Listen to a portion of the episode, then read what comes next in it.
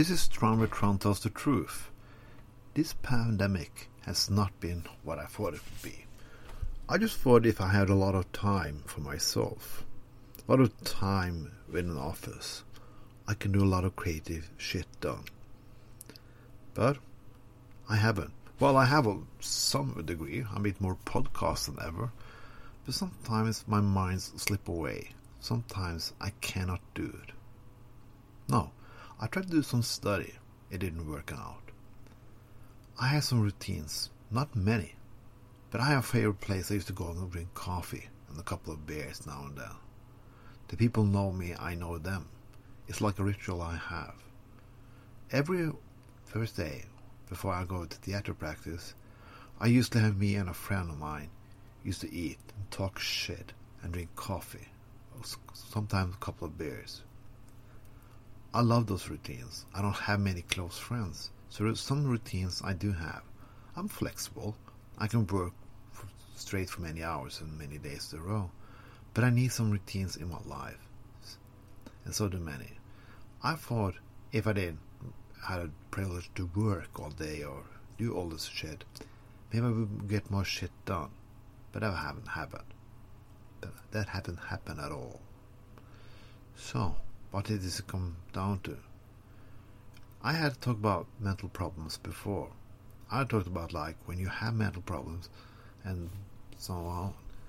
Some people just think like you are a sick person and they try to stay away from you. And so it is.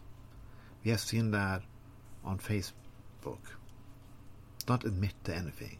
Don't be too personal because people put like in the comment fields, but they don't visit you don't call you, and you're not invited to the next party. During this pandemic, things have been different, a lot different. People I know who wouldn't admit it have admitted have problems. With more and more of this going on, less creativity, the creativity I see from people sometimes is in the strange sort. I have problem doing this. I done I know over a couple of hundred times tell the truth but a few times for the last year, I have have the power. Luke calls me and wonder what I and if I have the segment finished, I haven't even started to think about it. I had plenty of time. I have time. I sit here in my office with my computer, with my books, my sketches, and so on. I write and do things, but at least effective because I need some of that routine. I miss people, not money. I need the flexibility to go out, maybe be a little bit tired sometimes, have problems getting anything done, because that's when I get shit done. I don't need many routines. I don't like people who have to fill up their time with a lot of things all the time, because there are a lot of people who do that they had to watch 20 t- TV shows and consume so much shit that they not even stop to just bore themselves. Because boredom is also important. But due to the pandemic, it's been too much of it. Too much of everything is not always good. And that's how I feel these days. There's a lot of other people feel. I'm looking forward to this shit is over.